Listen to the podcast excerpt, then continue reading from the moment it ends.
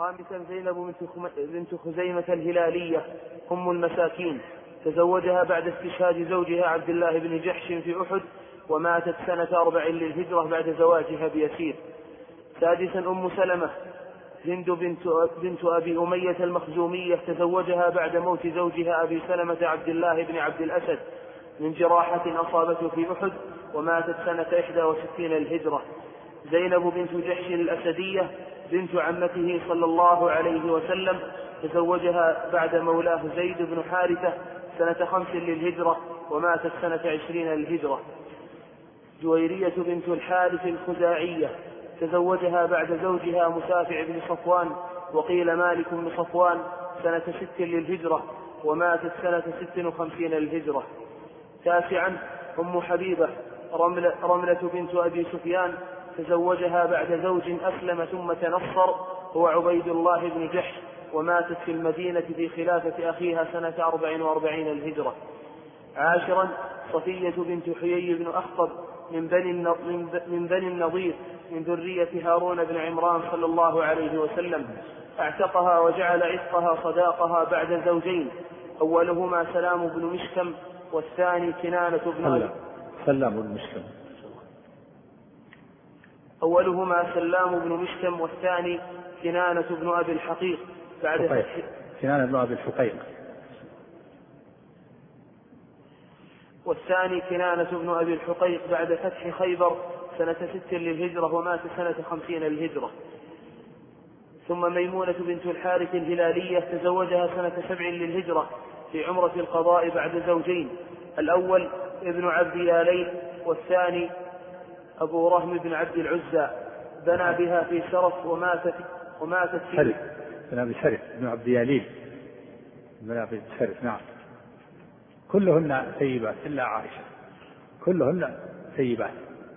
ولم يتزوج بكرا غير عائشة. نعم. تزوجها سنة سبع للهجرة في عمرة القضاء بعد زوجين الأول ابن عبد ياليل والثاني أبو رهم بن عبد العزى.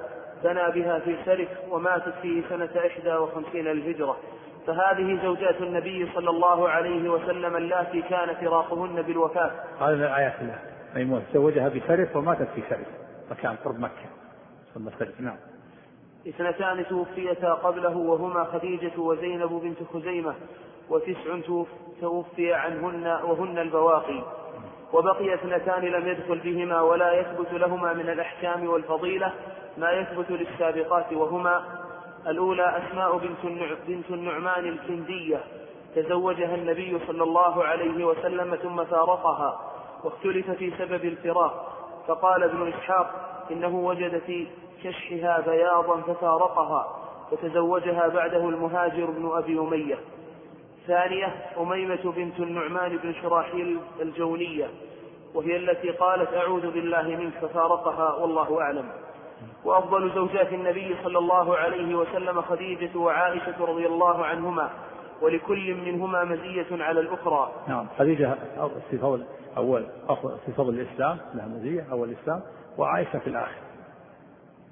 في البعثة خديجة هجأت من روع النبي صلى الله عليه وسلم ووسته بنفسها ومالها وعائشة في, في آخر الأمر نقلت الشريعة وبلغت السنة. نعم. تعليق الحافظ الذهبي نعم. تعليق الحافظ الذهبي إيه، في إيش؟ في أفضلية. ها؟ في أفضلية خديجة. إيه؟ عائشة قال رحمه الله تعالى في ترجمة أم المؤمنين عائشة وكانت امرأة بيضاء جميلة ومن ثم يقال لها الحميراء. ولم يتزوج النبي صلى الله عليه وسلم بكرا غيرها ولا أحب امرأة حبها ولا أعلم في أمة محمد صلى الله عليه وسلم بل ولا في النساء مطلقا امرأة أعلم منها. نعم هي أفقه النساء على الإطلاق. أفقه امرأة رضي الله عنها نعم. وذهب بعض العلماء إلى أنها أفضل من أبيها وهذا مردود وقد جعل الله لكل شيء قدرا. بل نشهد أنها زوجة نبينا في الدنيا والآخرة فهل فوق ذلك مفخر وإن كان للصديق هذا الكلام الذهبي؟ نعم. للصديق في خديجة. وإن كان إيش؟ قال للصديق خديجة. الصديقة الصديقة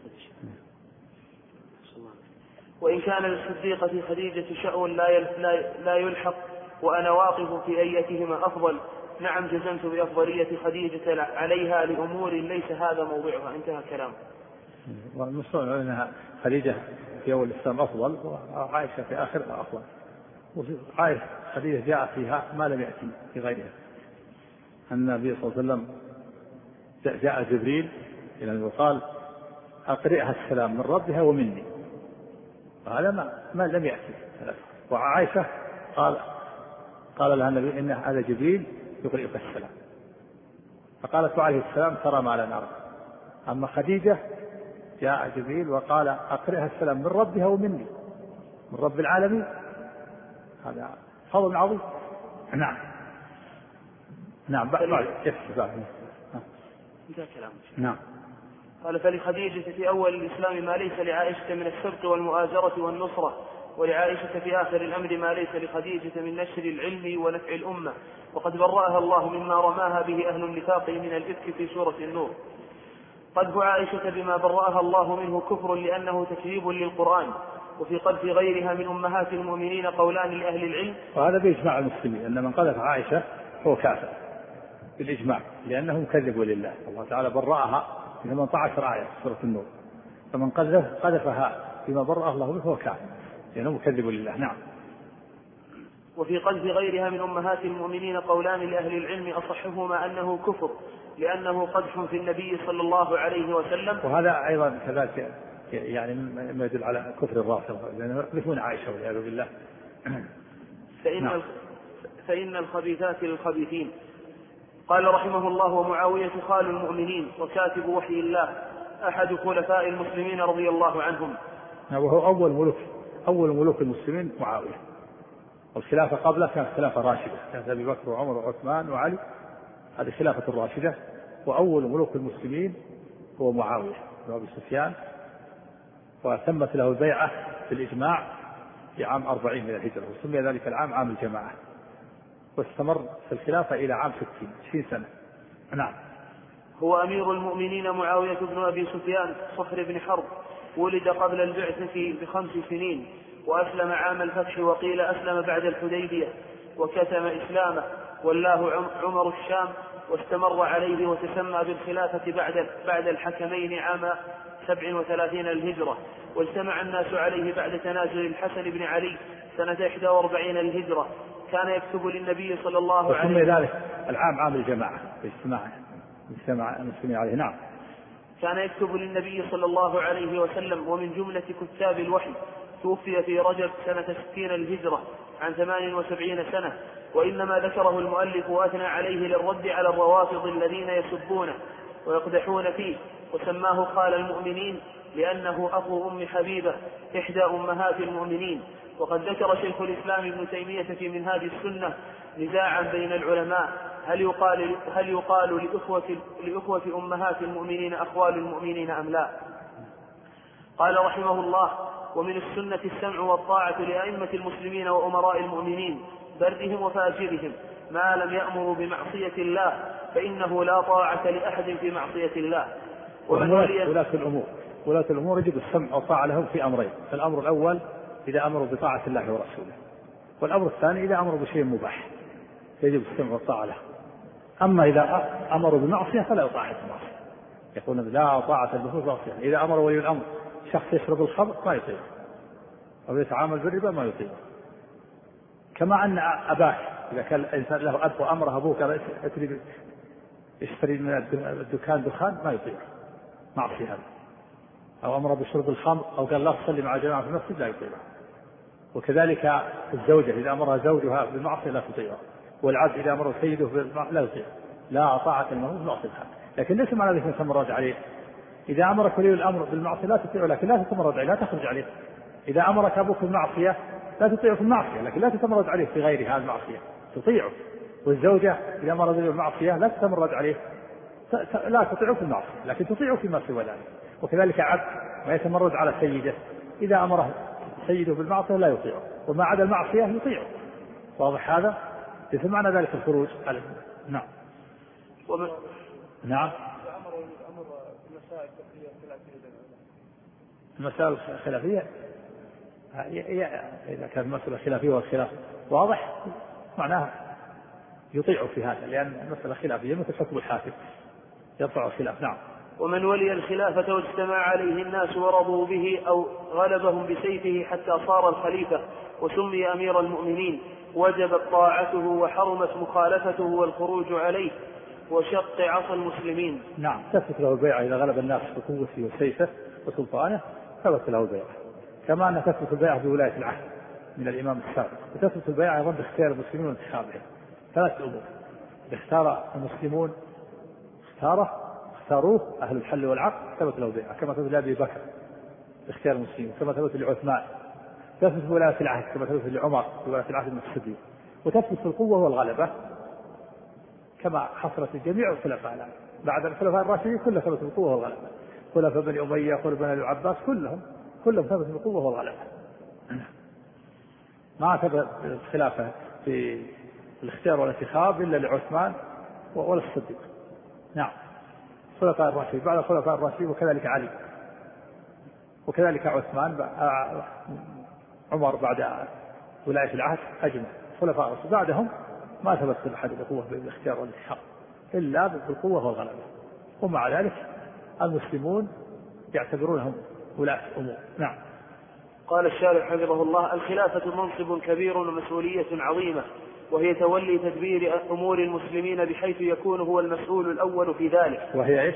وهي وهي تولي تدبير نعم. أمور المسلمين نعم. بحيث يكون هو المسؤول الأول في ذلك وهي فرض كفاية لأن أمور الناس لا تقوم إلا بها وتحصل الخلافة بواحد من أمور ثلاثة الأول النص عليه من الخليفة السابق كما في خلافة عمر بن الخطاب رضي الله عنه فإنها بنص من أبي بكر رضي الله عنه الثاني اجتماع أهل الحل والعقد سواء كانوا معينين من الخليفة السابق كما في خلافة عثمان رضي الله عنه فإنها باجتماع من أهل الحل والعقد المعينين من قبل عمر بن الخطاب رضي الله عنه.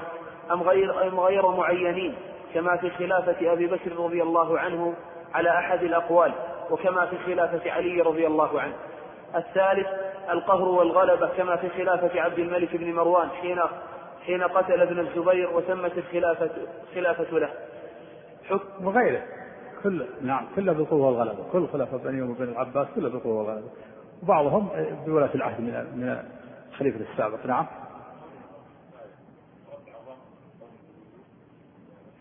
فرض كفاية يعني لابد منها. يعني لابد من إقامة.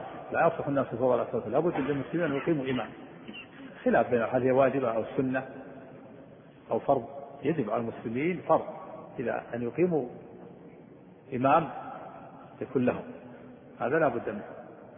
فرض كفاية إذا قام به بعض سقط عن الباقين. نعم.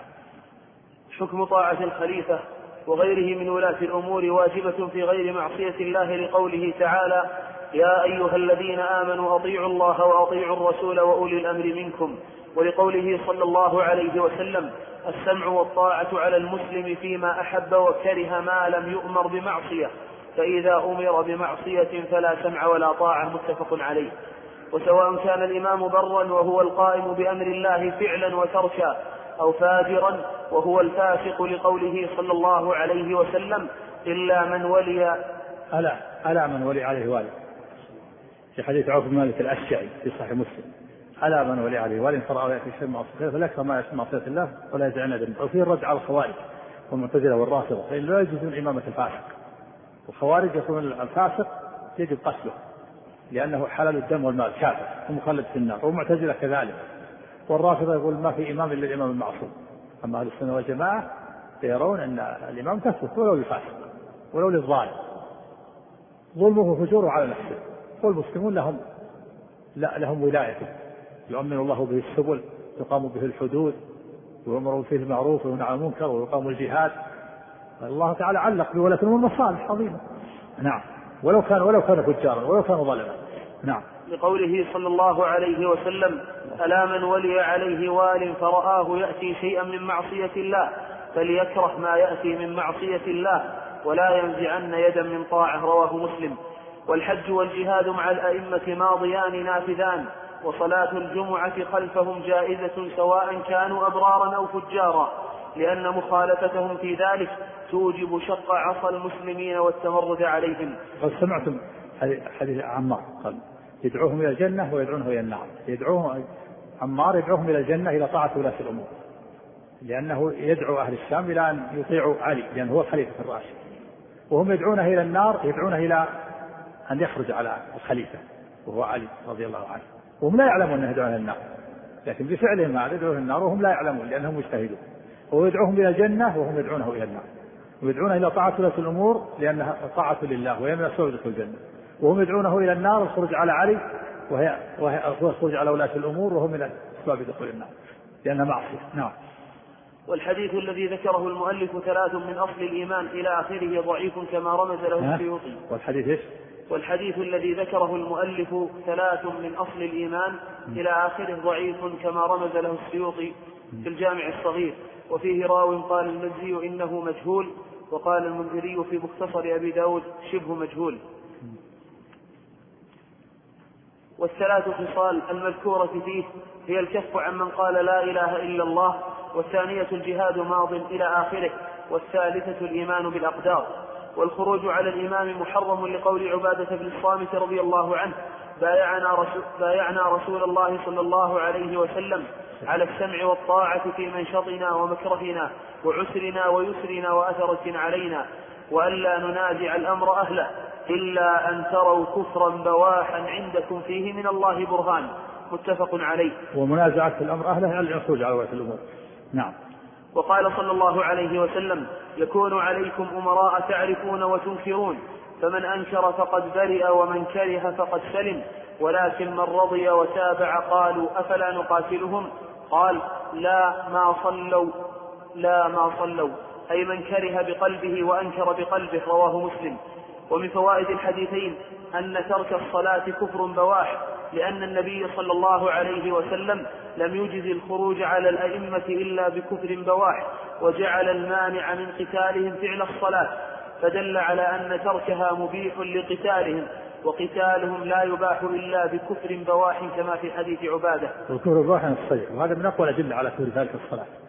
النبي صلى الله عليه وسلم أجاز الخروج على وجه الأمور إذا فعلوا كفرا بواحا ونهى عن الخروج إذا كانوا يصلون فدل على أنه إذا لم يصلوا فقد أتوا كفرا بواحا. نعم. قال رحمه الله تعالى ومن السنة هجران أهل البدع ومباينتهم وترك الجدال والخصومات في الدين وترك النظر في كتب المبتدعة والإصغاء إلى كلامهم وكل محدثة في الدين بدعة. قال حفظه الله تعالى الهجران مصدر هجر وهو لغة الترك والمراد بهجران أهل البدع الابتعاد عنهم وترك محبتهم وموالاتهم والسلام والسلام عليهم. وزيارتهم وعيادتهم ونحو ذلك. نعم هذا يجب أهل البدع المعتزلة والخوارج والقدرية والرافضة وغيرهم يجب هجرهم وعدم الجلوس معهم وعدم الأكل معهم إلا على وجه الدعوة. إذا كان في الدعوة دعوتهم إذا زارهم بهذه الدعوة ورجع أن يهديهم فلا بأس. تزور الرافضي أو القدري أو المعتزلي وتنصحه لا بأس. أما إذا كان ما في نصيحة لا اهجر وابتعد عنه لئلا يضرك. نعم. وهجران أهل البدع. نعم نعم. وهجران أهل البدع واجب لقوله تعالى لا تجد قوما يؤمنون بالله واليوم الآخر يوادون من حاد الله ورسوله. ولأن النبي صلى الله عليه وسلم هجر كعب بن مالك وصاحبيه حين تخلفوا عن غزوة تبوك.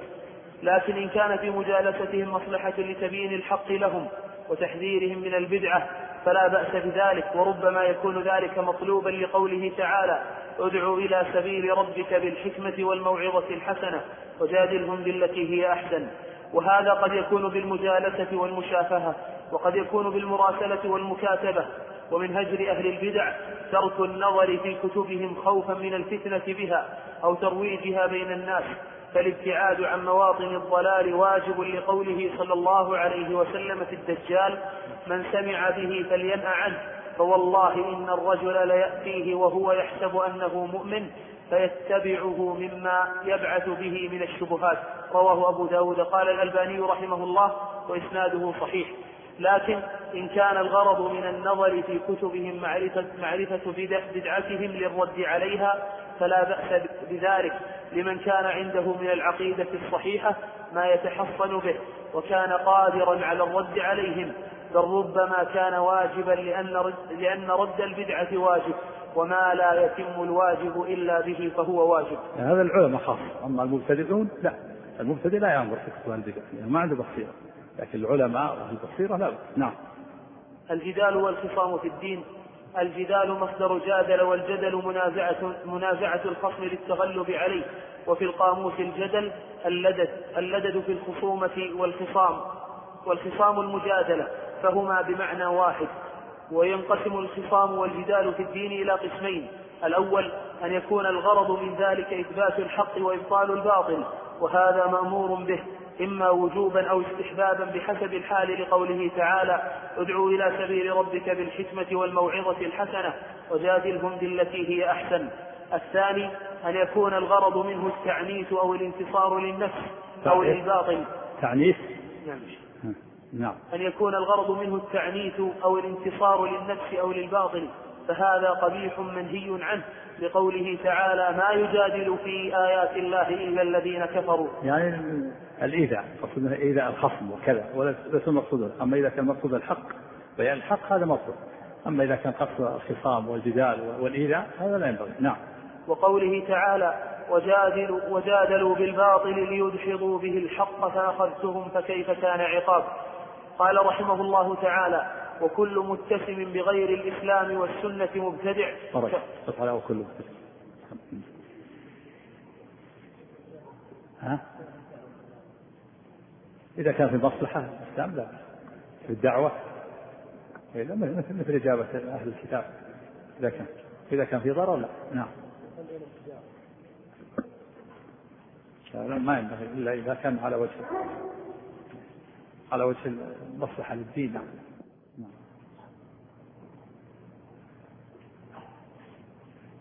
الحمد لله رب العالمين. صلى الله وسلم وبارك على نبينا محمد وعلى آله وصحبه أجمعين. أما بعد فقال المؤلف رحمه الله تعالى وكل متسم بغير الإسلام والسنة مبتدع. نعم كله. نعم متسم. لا متسم. يعني متصف. وكل متسم كما قرأت نعم. وكل متسم بغير الإسلام والسنة مبتدع كالرافضة والجهمية والخوارج والقدرية والمرجئة والمعتزلة والكرامية والكلابية ونظرائه ونظائرهم. فهذه فرق الضلال وطوائف البدع أعاذنا الله منها. علامة أهل البدع وذكر بعض طوائفهم. لأهل البدع علامات منها أولا أنهم يتصفون بغير الإسلام والسنة بما يحدثونه بما يحدثونه من البدع القولية والفعلية والعقيدية. ثانيا أنهم يتعصبون لآرائهم فلا يرجعون إلى الحق وإن تبين لهم. ثالثا أنهم يكرهون أئمة الإسلام والدين. ومن طوائفهم الرافضية وهم الذين يغلون في آل البيت. الرافضة. الرافضة. أولا الرافضة هم الذين يغلون عقيدية معروف المشهور البدع العقدية. يراجع العقدية أو العقيدية تحتمل يراجع النسبة في هذا نعم الرافضة وهم الذين يغلون في آل البيت ويكفرون من عداهم من الصحابة أو يفسقونهم. وهم فرق شتى. فمنهم الغلاة الذين ادعوا أن عليا إله ومنهم دون ذلك. وأول ما ظهرت بدعتهم في خلافة علي بن أبي طالب حين قال له عبد الله بن سبأ أنت الإله. فأمر علي رضي الله عنه بإحراقهم وهرب زعيمهم عبد الله بن سبأ إلى المدائن. ومذهبهم في الصفات مختلف فمنهم المشبه ومنهم المعضل ومنهم المعتدل. وسموا رافضة لأنهم رفضوا زيد بن علي بن الحسين بن علي بن أبي طالب رضي الله عنه حين سألوه عن أبي بكر وعمر رضي الله عنهما فترحم عليهما فرفضوه وأبعدوا عنه وسموا أنفسهم شيعة لأنهم يزعمون أنهم يتشيعون ثم رافضة لأنهم رفضوا زيد بن علي لما سأل عن أبي بكر وعمر فترحم عليهما وقال هما وزير جدي رسول الله. فتركوا فرفضوه فقال رفضتموني رفضتموني. فسموا الرافضة وكانوا قبل ذلك يسمون الخشبية لأنهم يسمون الخشبية لأنهم يقاتلون بالخشب ولا يقاتلون بالسلاح إلا إذا خرج المهدي الذي دخل السرداب. والشيعة طبقات الرافضة طبقة من الغلاة. وأشدهم غلاة الذين يقولون الله حل في علي وأنه هو الإله.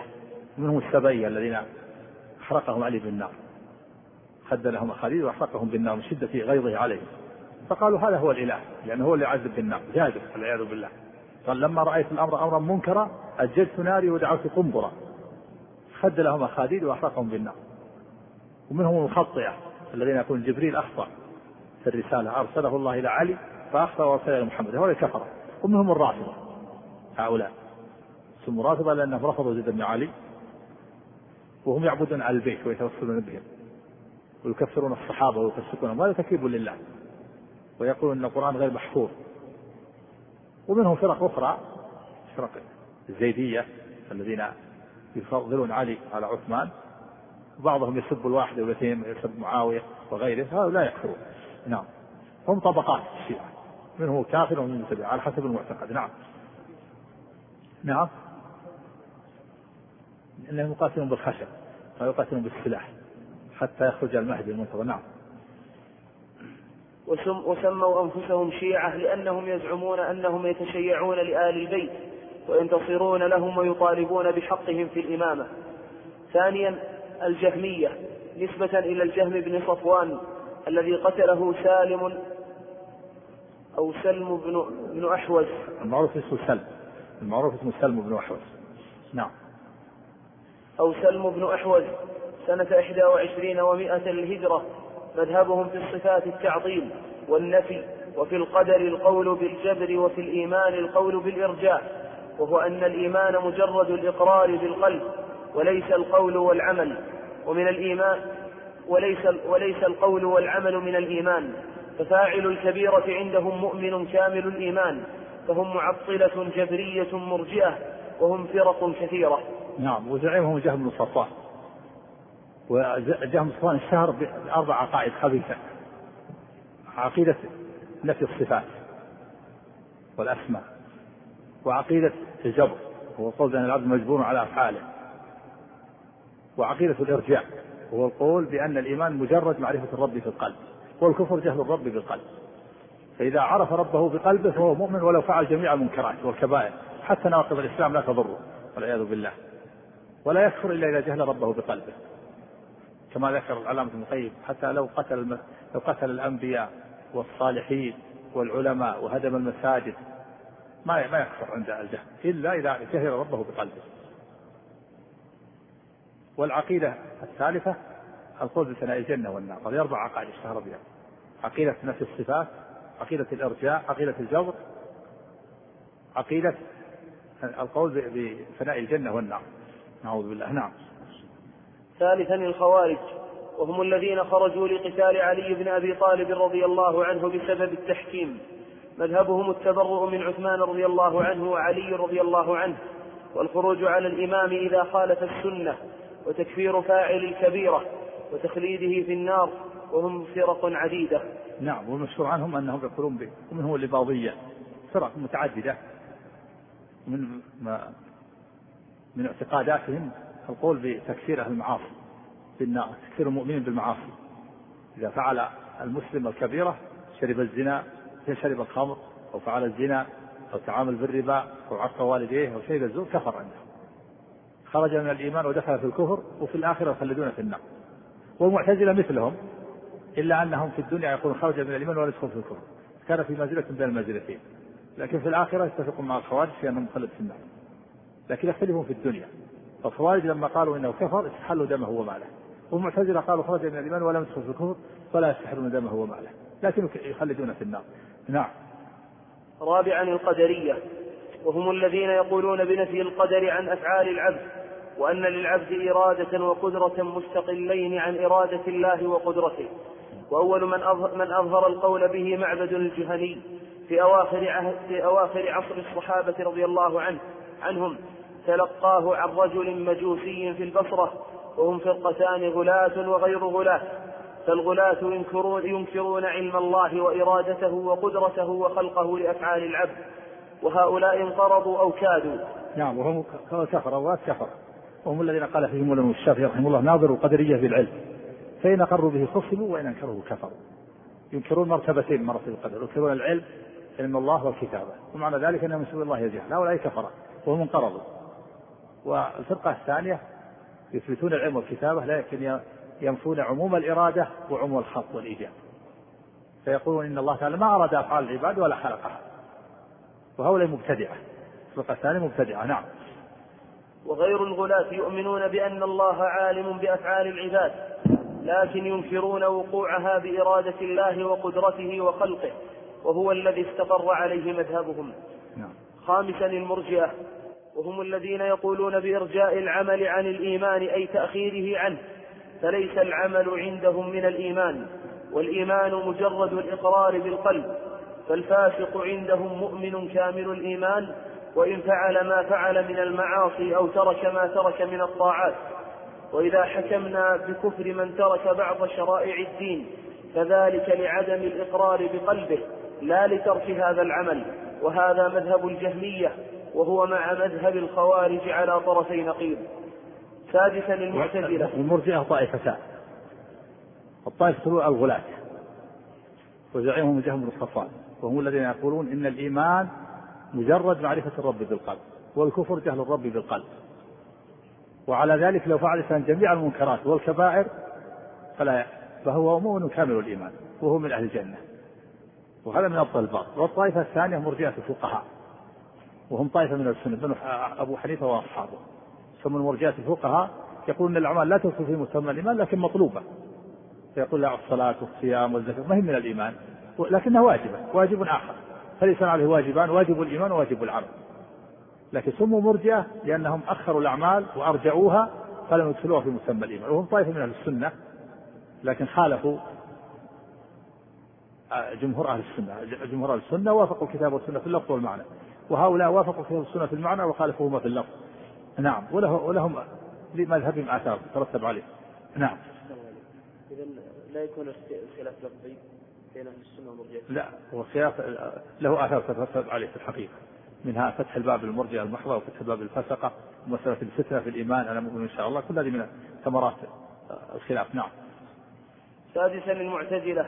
أتباع واصل بن عطاء الذي اعتزل مجلس الحسن البصري. وقرر أن الفاسق في منزلة بين منزلتين لا مؤمن ولا كافر وهو مخلد في النار وتابعه في ذلك عمرو بن عبيد ومذهبهم في الصفات التعطيل كالجهمية وفي القدر قدرية ينكرون تعلق قضاء الله وقدره بأفعال العبد بأفعال العبد وفي فاعل الكبيرة أنه مخلد في النار وخارج من الإيمان في منزلة بين منزلتين الإيمان والكفر. وهم عكس الجهمية في هذين الأصلين. نعم ومعتزلة لهم أصول, أصول الدين عندهم خمسة. تقابل تبدل بها أصول الدين. أصول الدين عند أهل السنة الإيمان بالله وملائكته وكتبه ورسله ويوم الآخر والقدر خيره شر أما أصول المعتزلة خمسة غير الخمسة هذه. الأصل الأول وكل أصل ستروا بعد ستروا تحت معنى باطل. الأصل الأول التوحيد. وستروا تحت نفس الصفات والقول بخلق القرآن وأن الله لا يرى في الآخرة. الأصل الثاني العدل العدل. وستروا تحت التكذيب بالقدر وأن الله لم يخلق أفعال العباد. الأصل الثالث المنزلة بين المنزلتين. وستروا تحت القول بأن العاصي خرج من الإيمان ولم يدخل في الكفر. الأصل الخامس إنفاذ الوعيد. وستروا تحتها القول بخلود العصاة في النار. الأصل الخامس الأمر بالمعروف والنهي عن المنكر. وستروا تحته القول بالخروج على ولاة الأمور بالمعاصي. وأنه يجب الخروج على ولاة الأمور بالمعاصي. هذه أصول الدين عند المعتزلة. نعم. سابعا الكرامية أتباع محمد بن كرام المتوفى سنة خمس وخمسين ومائتين للهجرة يميلون إلى التشبيه والقول بالإرجاء وهم طوائف متعددة. ثامنا السالمة. سالمية سالمية والكرامية من أقوالهم يقولون إن الكلام كان ممتنعا على الله. ثم انقلب فجأة فصار ممكن. وأن الكلام له أول وبداية. قالوا لو قلنا إن الله متكلم للزم من ذلك تسلسل الحوادث. فسد علينا طريق إثبات الصالح. فقال هناك فترة لا يقدر فيها الرب على الكلام ولا على الكلام. ثم انقلب فجأة فصار الكلام فكان الكلام ممكنا. وهذا من أفضل الباطل. نعم. السالمية أتباع رجل يقال له ابن سالم يقولون بالتشبيه. وهذه هي الطوائف التي ذكرها المؤلف ثم قال نعم السالمية أتباع سالم الجواليقي نعم. وهذه هي الطوائف التي ذكرها المؤلف ثم قال ولهم من مذهبهم أن الكلام أن الرب لم يزل متكلم الكلام بحرف وصوت لكن لا يتعلق بقدرته ومشيئته. يقول الرب لم يزل في الأزل إلى ما لا نهاية يقول قد سمع الله قول التي تجادلك في زوجها قد سمع الله قول التي تجادلك في زوجها. وقالوا أن حروف كلمات الله تخرج دفعة واحدة. ما يأكل الباء والسين والميم بسم الله دفعة واحدة. لكن بالنسبة لسمع الإنسان يسمعها قال لو قلنا إن الحرف يأتي بعد الحرف أو أن الكلام يتعلق بقدرة الله ومشيئته للزم من ذلك حلول الحوادث في ذات الرب. والله منزل عن حلول الحوادث. وهذا من جهلهم وضلالهم نعم. وهذه هي الطوائف التي ذكرها المؤلف رحمه الله ثم قال ونظائرهم مثل الأشعرية أتباع الحسن بن الحسن علي بن إسماعيل الأشعري. كان في أول أمره يميل إلى الاعتزال حتى بلغ الأربعين من عمره ثم أعلن توبته من ذلك وبين بطلان مذهب المعتزلة وتمسك بمذهب أهل السنة رحمه الله. أما من ينتسب إلا إلا أنه بقي عليه أشياء يسيرة. بقيت عليه أشياء يسيرة. وإلا في الجملة رجع. وجاء على المنبر وقال خطب الناس بعد أربعين سنة على مذهب الاعتزال وقال من يعرفني؟ هو يعرف ومن يعرفني فأنا أبو الحسن. وأنا متبرئ من الاعتزال وخلعت نفسي منها كما أخلع هذا القميص فخلع قميصا له فتبرأ من مذهب المعتزلة. نعم. أما من ينتسبون إليه فبقوا على مذهب خاص يعرف بمذهب الأشعرية لا يثبتون من الصفات إلا سبعا. زعموا أن العقل دل عليها ويؤولون ما عداها وهي المذكورة في هذا البيت. حي عليم قدير والكلام له إرادة وكذاك السمع والبصر. الحياة والكلام والسمع والبصر والعلم والإرادة والقدرة. سبع صفات. هذه يقولون دل عليها العقل والشرع. وبقية الصفات ينفونها يقول ما دل عليها العقل. وهو باطل. جميع كل الصفات دل عليها العقل والشرع. ولو فرض أنه ما دل عليها العقل يكفي دلالة الشرع عليه. نعم. ولهم بدع أخرى في معنى الكلام والقدر وغير ذلك. نعم. قال رحمه الله وأما بالنسبة إلى إمام في فروع الدين كالطوائف الأرض كالطوائف الأربع فليس بمذموم فإن الاختلاف في الفروع رحمة والمختلفون فيه محمودون في اختلافهم مثابون في اجتهادهم واختلافهم رحمة واسعة واتفاقهم حجة قاطعة. نسأل الله أن يعصمنا من البدع والفتنة ويحيينا على الإسلام والسنة ويجعلنا ممن يتبع رسول الله صلى الله عليه وسلم في الحياة ويحشرنا في زمرته بعد الممات برحمته وفضله آمين. وهذا آخر المعتقد. والحمد لله وحده وصلى الله على سيدنا محمد وآله وصحبه وسلم تسليما. قال حفظه الله تعالى الفروع جمع فرع. وهو لغة ما بني على ما بني على غيره واصطلاحا ما لا يتعلق بالعقائد كمسائل الطهارة والصلاة ونحوها والاختلاف فيها ليس بمذموم حيث كان صادرا عن نية خالصة واجتهاد لا واجتهاد لا هو لا عن لا عن هوى وتعصب لأنه وقع في عهد النبي صلى الله عليه وسلم ولم ينكره حيث قال في غزوة بني قريظة لا يصلين أحد أحد العصر إلا في بني قريظة إلا في بني قريظة. فحضرت الصلاة قبل وصولهم فأخر بعضهم الصلاة حتى وصلوا بني قريظة حتى وصلوا بني قريظة. وصلى بعضهم حين خافوا خروج الوقت ولم ينكر النبي صلى الله عليه وسلم على واحد منهم رواه البخاري. ولأن الاختلاف فيها موجود في الصحابة وهم خير القرون ولأنه لا لا يورث عداوة ولا بغضاء ولا تفرق. نعم ولا تفرق كلمة بخلاف الفروع لا بأس به. أقول خلاف الفروع إذا كان الإنسان من أهل النظر فلا ينبغي الإنكار عليه. فإذا اجتهد العالم ورأى أن لحم الإبل ينقض الوضوء فله اجتهاده وإذا اجتهد آخر ورأى أن لحم لا ينقض الوضوء فله اجتهاد. يجتهد المجتهد ورأى أن خروج الدم ينقض الوضوء والمجتهد الآخر يرى أنه لا أنه لا ينقض. فلا لا بأس بهذا. ويصلي بعضهم خلف بعض. وثبت أن الخليفة هارون الرشيد احتجب فأفتاه الإمام مالك رحمه الله بأن الحجامة لا تنقض الوضوء.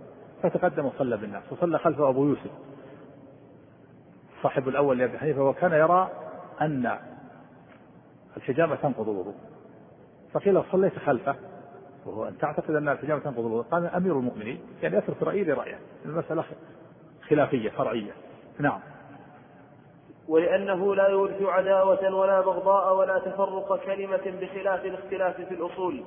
وقول المؤلف رحمه الله المختلفون فيه محمودون في اختلافهم ليس ثناء على الاختلاف فإن الاتفاق خير منه وإنما المراد به نفي الذم عنه.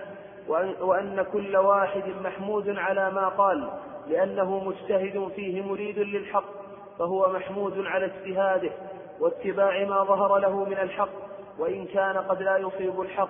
وقوله رحمه الله إن الاختلاف في الفروع رحمة وإن اختلافهم رحمة, رحمة واسعة أي داخل في رحمة الله وعفوه حيث لم يكلفهم أكثر ما مما يستطيعون ولم يلزمهم بأكثر مما ظهر لهم.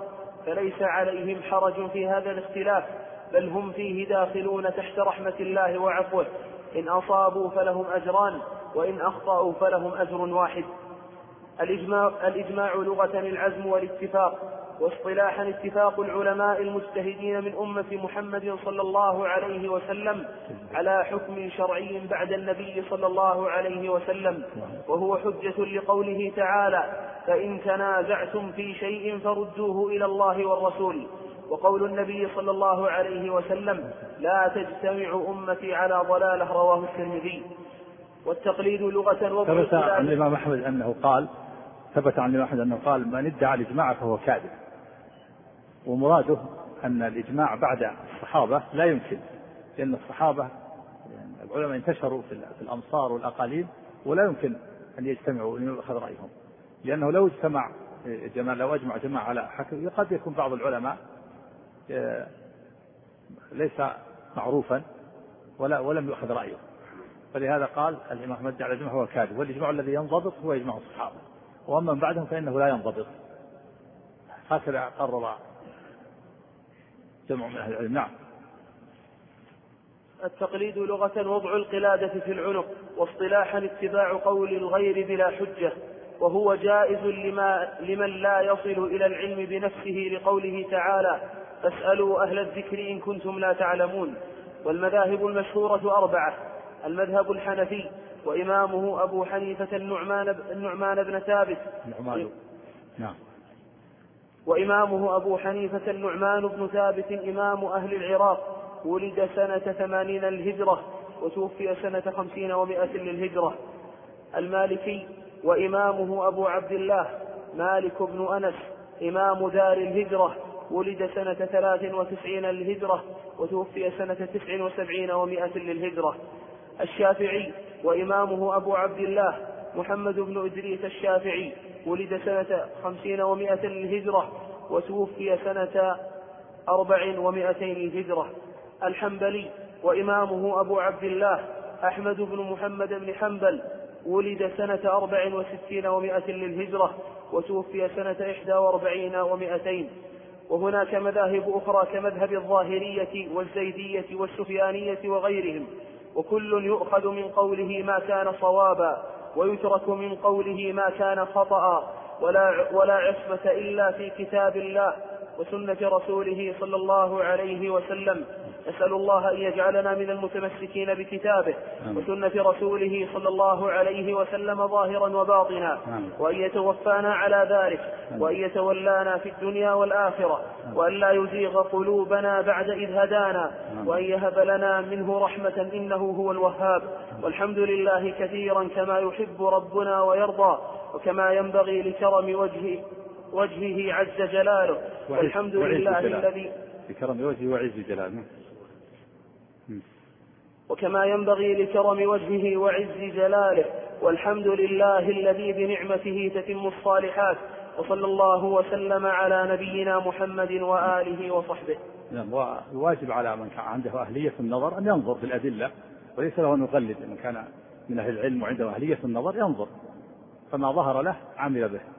فإن كان ليس عنده أهلية النظر فإنه يقلد من يثق بدينه وعلمه وورعه. يجتهد في من يقلد. لا يقلد كله بل يقلد من يثق بدينه وعلمه يسأل. من يثق بدينه وعلمه وورعه لقوله تعالى فاسألوا أهل الذكر إن كنتم لا تعلمون. وليس له أن أن يقلد بالتشهي. بعض الناس يسأل هذا العالم ثم إذا لم يناسبه يسأل الثاني. فإذا أفتى بما يناسبه هواه أخذ به. هذا ليس له ذلك لا يجوز هذا. فإنما يسأل من يثق بدينه وعلمه ورعاه فإذا أفتى أخذ به ولا يسأل أحد بعده. أما كل يتشهى يأخذ بالتشهي بالفتاوى التي تناسبه هذا لا يجوز. و وبهذا نكون انتهينا إن شاء الله. بعض الإخوان يشير أنه نجعل كتاب آخر لكن أرى أن يبقى بقية الوقت للصحيح. صحيح البخاري. صحيح البخاري كتاب عظيم وهو أصح الكتب بعد كتاب الله عز وجل. وهذا الكتاب كتاب عظيم فيه تفسير وفيه حديث وفيه فقه وفيه لغة والتراجم تراجم عظيمة. أعجزت العلماء وبهرت عقولهم. فهو كتاب عظيم وفيه معلقات كثيرة تعليقات كثيرة. فأرى أنه يبقى يبقى بقية الوقت للكتاب. وهذا الكتاب العظيم ما يكفي ليلة واحدة. لكن ما لا يدرك كله لا كله. يحتاج إلى ليالي. كتاب عظيم. لكن إذا كنا لا, لا نستطيع أن نضع ليلة أخرى فعلى الأقل يكون بقية الوقت يكون لهذا الكتاب.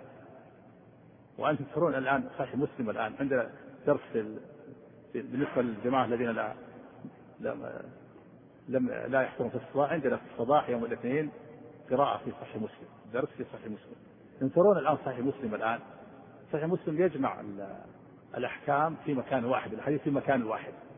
تجدون نسرع في القراءة ونمشي نقطع. لكن البخاري تميز بهذه التراجم العظيمة. والاستنباطات العظيمة. ولذلك أنا آتي بالكتاب. هنا خشية أن يفوتنا شيء من من الأحكام ومن التراجم. وقد كنت في العام الماضي وقبله ما آتي بالكتاب لكن أخشى أتأمل كثيرا وقد يفوتني أشياء. لكن إذا كان الكتاب أمامي لا يفوت. ما يتعلق بالتعاليق والتراجم. فهو كتاب عظيم ينبغي أن يجعل له وقت طويل. وعلى هذا يكون إن شاء الله في الدروس القادمة صحيح فقط. ويكون تبادل القراءة بين الإخوان ليقرأ القراءة. نعم. ونسأل الله جميع العلم النافع والعمل الصالح. نعم. انتهى شرح كتاب لمعات الاعتقاد.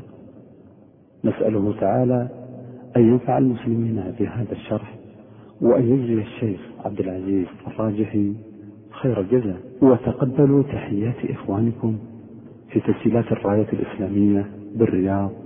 والسلام عليكم ورحمة الله وبركاته.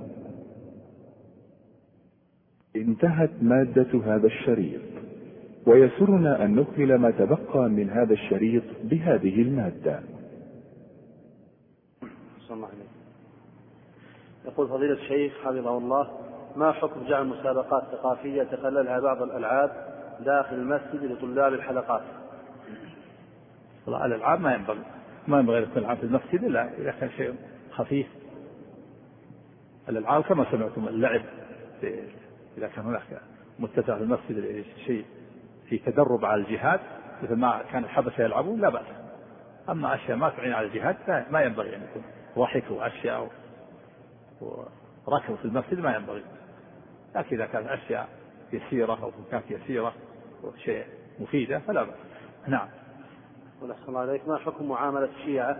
وهل نعاملهم معاملة الكفار؟ الشيعة كما سبق طبقات ذكر الفرقة أنهم 22 طبقة منهم الكافر ومنهم المؤمن على حسب المعتقد. فالذي يقول إن الله حل في علي أو يقول إن جبريل اخبر في الرسالة والرافضة الذين يعبدون آل البيت ويكفرون الصحابه ويفسقونهم ويقول إن القرآن غير محفوظ هؤلاء كفرة. وأما من يسب الواحد أو الاثنين أو يفضل علي على عثمان فهؤلاء مبتدعة. نعم. على حسب المعتقد فيهم الكافر والمبتدع نعم. ها؟ إذا تعرف ليس لك لا تتكلم إلا بما تعرف. نعم مالك إلا الظاهر. يكثر فيهم النفاق والزندقة. كان المنافقون على عهد النبي صلى يجري عليهم أحكام الإسلام. اللي ما يظهر منه إلا الإسلام نجري على أحكام الإسلام. واللي يظهر الكفر يكفر. نعم يستتاب فإن تاب وإلا قتل. من قبل ولاة الأمور المحكمة. نعم. يقول تقاضى تقاضي ابن حجرة في المسجد هل فيه جواز مسألة ضع وتعجل؟ لإشارة النبي صلى الله عليه وسلم بيده عن ضع الشطر. نعم. في ذلك نعم لا بأس وهو توجه هذا طيب إذا كان الإنسان عليه اشترى سيارة مثلا بمئة ألف مقسطة. كل مثلا ستة أشهر عشرة آلاف. وبعد ذلك لما دفع خمسين ألف جاء إليه جاء الغريم وقال لصاحب الدين الآن بقي خمسين ألف. خمس مثلا سنوات. الآن أريد أن أدفعها أصبها الآن. تصرف عني عشرين ألف. أعطيك ثلاثين ألف. تصرف عني عشرين ألف. لا بأس. أضع وتعجل. تعجل دينه الأول وهذا استفاد. هذا استفاد. نقص دينه ولكن استفاد بتعديل الدراهم. نعم. الله عليك يقول هذا نشر أو نشرت إحدى الصحف دعاية لإحدى المجلات. وذكرت أن فيها لقاء مع أحد المغنين وقالت عنه أن هذا المغني خلق للغناء وليس للتمثيل. وليس وليس. أن هذا المغني خلق للغناء وليس للتمثيل فما إيه؟ حكم ذلك؟ هذا كلام سيء. هذا كلام سيء. كلام كلام سفه. نعم. نعم. قل أحسن الله عليك ما صحة حديث أفعميوان أنتما؟ الحديث عند أهل ضعيف لأنه من رواية نبهان عن أم سلمة و وهو مخالف للأحاديث الصحيحة وذلك عن النبي صلى الله عليه وسلم لما دخل عنده زوجتان من زوجاته أم سلمة وعائشة دخل عليهم أم سلمة وأمرهما بالحجاب قال يا رسول الله إنه أعمى لا يبصرنا قال أفعمياوان أنتما؟ ألستما تبصران هذا ضعيف وأصح منه حديث إنما جعل الاستئذان من أجل البصر. وحديث فاطمة بنت أبي قيس لما طلقت قال لها النبي صلى الله عليه وسلم اعتدي في بيت أم مكتوم فإنه رجل أعمى فضعين ثيابك فلا يراك وقال إنما جعل الاستئذان من أجل البصر هذا هو العمدة. أما حديث فرعون أنتما فهو ضعيف لأنه من رواية نبهان عن أم سلمة. وهو ضعيف. نعم. يقول هل يجوز مد الرجلين تجاه حاملات المصاحف وإذا كان لا يجوز ذلك نرجو تنبيه الناس إلى ذلك. إذا كانت بعيدة إذا كانت قريبة لا ينبغي. قال العلماء يكره مد الرجل إلى المصحف يكره مد الرجل إليه. وإذا كانت بعيدة فأرجو لا يكون حرج لكن إذا قريب قال المصحف قريب فلا ينبغي للإنسان مكروه مد الرجل إليه نعم. يقول أحسن إليك عائشة رضي الله عنها لما كانت تنظر الأحباش كانت صغيرة فكيف يصح هذا دليلا لجواز نظر الرجل المرأة للرجل؟ كانت صغيرة لكن كانت صغيرة متزوجة وبالغة. تقول إذا بلغت المرأة تسع سنين فهي امرأة وهي تنظر على العموم تنظر للعموم. وتنظر إلى شخص بعينه والنظر للعموم لا بأس به نعم إذا بنى الكافر مسجدا فهل يجوز للمسلمين الصلاة فيه؟ إيش؟ إذا بنى الكافر مسجدا هل يجوز للمسلمين نعم. الصلاة فيه؟ نعم لا بأس نعم. رجل ذهب من الرياض إلى جدة لزيارة الغارب ثم تهيأت له الفرصة لأداء العمرة فأحرم من جدة فما فهل عمرته صحيحة؟ نعم العمرة صحيحة لكن إذا إن كان عنده نية من الرياض هو من الرياض من الرياض إلى جدة هو؟ من الرياض إلى جدة. نعم. لكن إن كان لما ذهب من الرياض عنده نية في العمرة فالواجب عليه أن يحرم من الميقات لكن في الطائرة من الجو وإلا من السيل فإن فإن تجاوز بحرا من جدة فعليه دم شاة البحر في مكة وعمرته صحيحة. أما إذا كان لما سافر ما عنده نية لكن لما وصل إلى جدة أنشأ النية فعمرته صحيحة وليس عليه دم. نعم. أحسن الله إليك. أحد الشعراء قال من باب النصح لعله ذكر كلام كثيرا. ثم قال أن الشاعر قال في أحد شطري بيت له الله ضيعنا لما أضعناه إيش؟ الله ضيعنا شاعر شاعر يقول إيش؟ يقول هناك أحد الشعراء وهو من طلبة العلم يقول إيه؟ قال في قصيدة الله مستنكرا لحال الأمة وما آلت إليه قال الله ضيعنا لما أضعناه فاستنكر عليه من بعض طلبة العلم هل هذه الجملة يعني صحيحة؟ نعم نعم هذا الكلمة تركها أولى وإلا المعنى صحيح. قال سبحانه وتعالى ولا تكون كالذين نسوا الله فأنساهم أنفسهم. لما نسوا الله يعني نسوا أوامره فتركوها ونسوا نواهي فاجترحوها أنساهم يعني عاملهم معاملة المنسي المعنى صحيح لكن العبارة ترك أولى. نعم. ما صحة حديث لا يشربن أحد أحد منكم قائما فمن نسي قد يستقي نعم هذا حديث صحيح لكنه منسوخ. يعني من نسي ذكره النووي في رياض الصالحين. من شرب قال فليستقي يعني يتقيد هذا منسوخ. كان أول نعم. ما حكم الصيام؟ سواء كان نفلا أم فرضا أثناء سفر السياحة. أثناء إيش؟ أثناء؟ أثناء سفر السياحة سواء كان في بلاد كافرة أو مسلمة. لا بأس المسافر له له أن يصوم وله أن يفطر. كان النبي صلى الله عليه وسلم يصوم في السفر كثيرا. كان الصحابة جاء في الحديث أن أن اليوم الشديد الحر الذي يضع الإنسان فيه يده على رأسه من شديد الحر قال ما فينا الصائم إلا رسول الله صلى الله عليه وسلم وعبد الله بن رواحة فيجوز كان الصحابة يسافرون فمنهم الصائم ومنهم المفطر. فلا يعيب الصائم على المفطر ولا يعيب المفطر على الصائم. لكن إذا كان يشق عليه فهو مكروه الصيام في حقه مكروه ولا سيما صيام رمضان فرض يعني. وإن كان لا يشق عليه فلا بأس. نعم. لكن يترخص نعم. يترخص بالأعذار أو بالصوم حتى ولو كان في بلاد كافرة. بلاد كافرة وغيرها الصوم. الصوم أقصد يعني يأخذ أحسن إليك بالرخصة في الإفطار وما شابه ذلك. هنا نعم. المسافر المسافر له رخصة في أي مكان. لكن إذا نوى في مكان أن يقيم أكثر من أربعة أيام فجمهور العلماء على أنه تنقطع أحكام السفر ويجب عليه الصوم إذا كان في رمضان ويتم الصلاة. أما إذا كان ما يدري متى يقيم له حاجة ما يدري متى تنتهي فهو مسافر. أو كان السفر يوم أو يومين أو ثلاثة أو أربعة. نعم. الله إليك يقول ما حكم التعاقد على ترميم المسجد في المسجد؟ ها؟ ما حكم التعاقد على ترميم المسجد في المسجد؟ لا ما ينبغي. التعاقد يعني استئجار. إذا كان هذا استئجار هذا من العقود يكون خارج المسجد. يتعاقد مع خارج المسجد. البيع والشراء والاستئجار خارج المسجد. نعم. يقول ذهبنا من الرياض ننوي العمرة فذهبنا إلى الطائف يومين. ثم وصلنا إلى مكة نريد السكن فلم نجد فذهبنا إلى جدة فمكثنا يومين فأحرمنا منها وذهبنا إلى مكة. ما دمت تريدون العمرة فالواجب عليكم أن تحرموا من الميقات. فلما أحرمتم جدة عليكم دم عندها يعني كل واحد عليه دم شاة يذبحها في مكة ويوزعها لأنه تجاوز الميقات بدون إحرام. نعم. صليت فرض من الفروض وأنا منفرد فتذكرت أن في قميصي نجاسة فخلعت القميص فهل صلاتي صحيحة؟ نعم صلاتك صحيحة. إذا كان الإنسان على ثوب نجاسة واستطاع أن يخلعه يخلعه ويستمر. أما إذا كان لا يستطيع أن يخلعه فإنه يقطع صلاته ويلبس ثوب جديد. والدليل على هذا ما ثبت عن النبي صلى الله عليه وسلم صلى بنعليه وصلى الصحابة بنعالهم وكان فيه أذى. فجاءه جبريل فأخبره. فخلع عليه واستمر في صلاته. فخلع الصحابة نعاله أما إذا كان لا يستطيع فإنه يقطع الصلاة. أما إذا لم يتذكر إلا بعد الصلاة فصلاته صحيحة ولا إعادة عليه نعم. أحسن عليك ما حكم وضع المال في البنوك الربوية من غير فائدة؟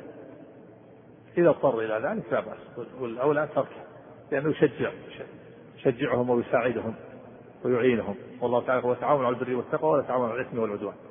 وإذا اضطر إلى ذلك يحتاج إلى ذلك بالضرورة. نعم.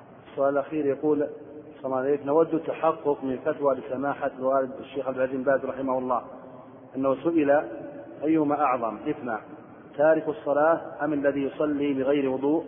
فأجاب الذي يصلي بغير وضوء أعظم إثما لأنه جمع بين تلاعب وترك الصلاة. وهو كافر كتارك الصلاة. وهو إيش؟ وهو كافر كتارك الصلاة. أنا ما ما سمعت الفتوى لكن هذا صحيح أن اللي صلي قال بعض العلماء أو كفر من صلى بغير وضوء متعمد. لأن هذا متلاعب مستهزئ بربه. الذي يصلي بغير وضوء متعمد هذا مستهزئ بربه. قد يكون أشد من ترك الصلاة. نسأل الله السلامة والعافية. وفق الله الجميع وفق الله الجميع من جزا الله فضيلة الشيخ خير الجزاء. وجعلنا الله وإياكم ممن يستمعون القول فيتبعون أحسنه.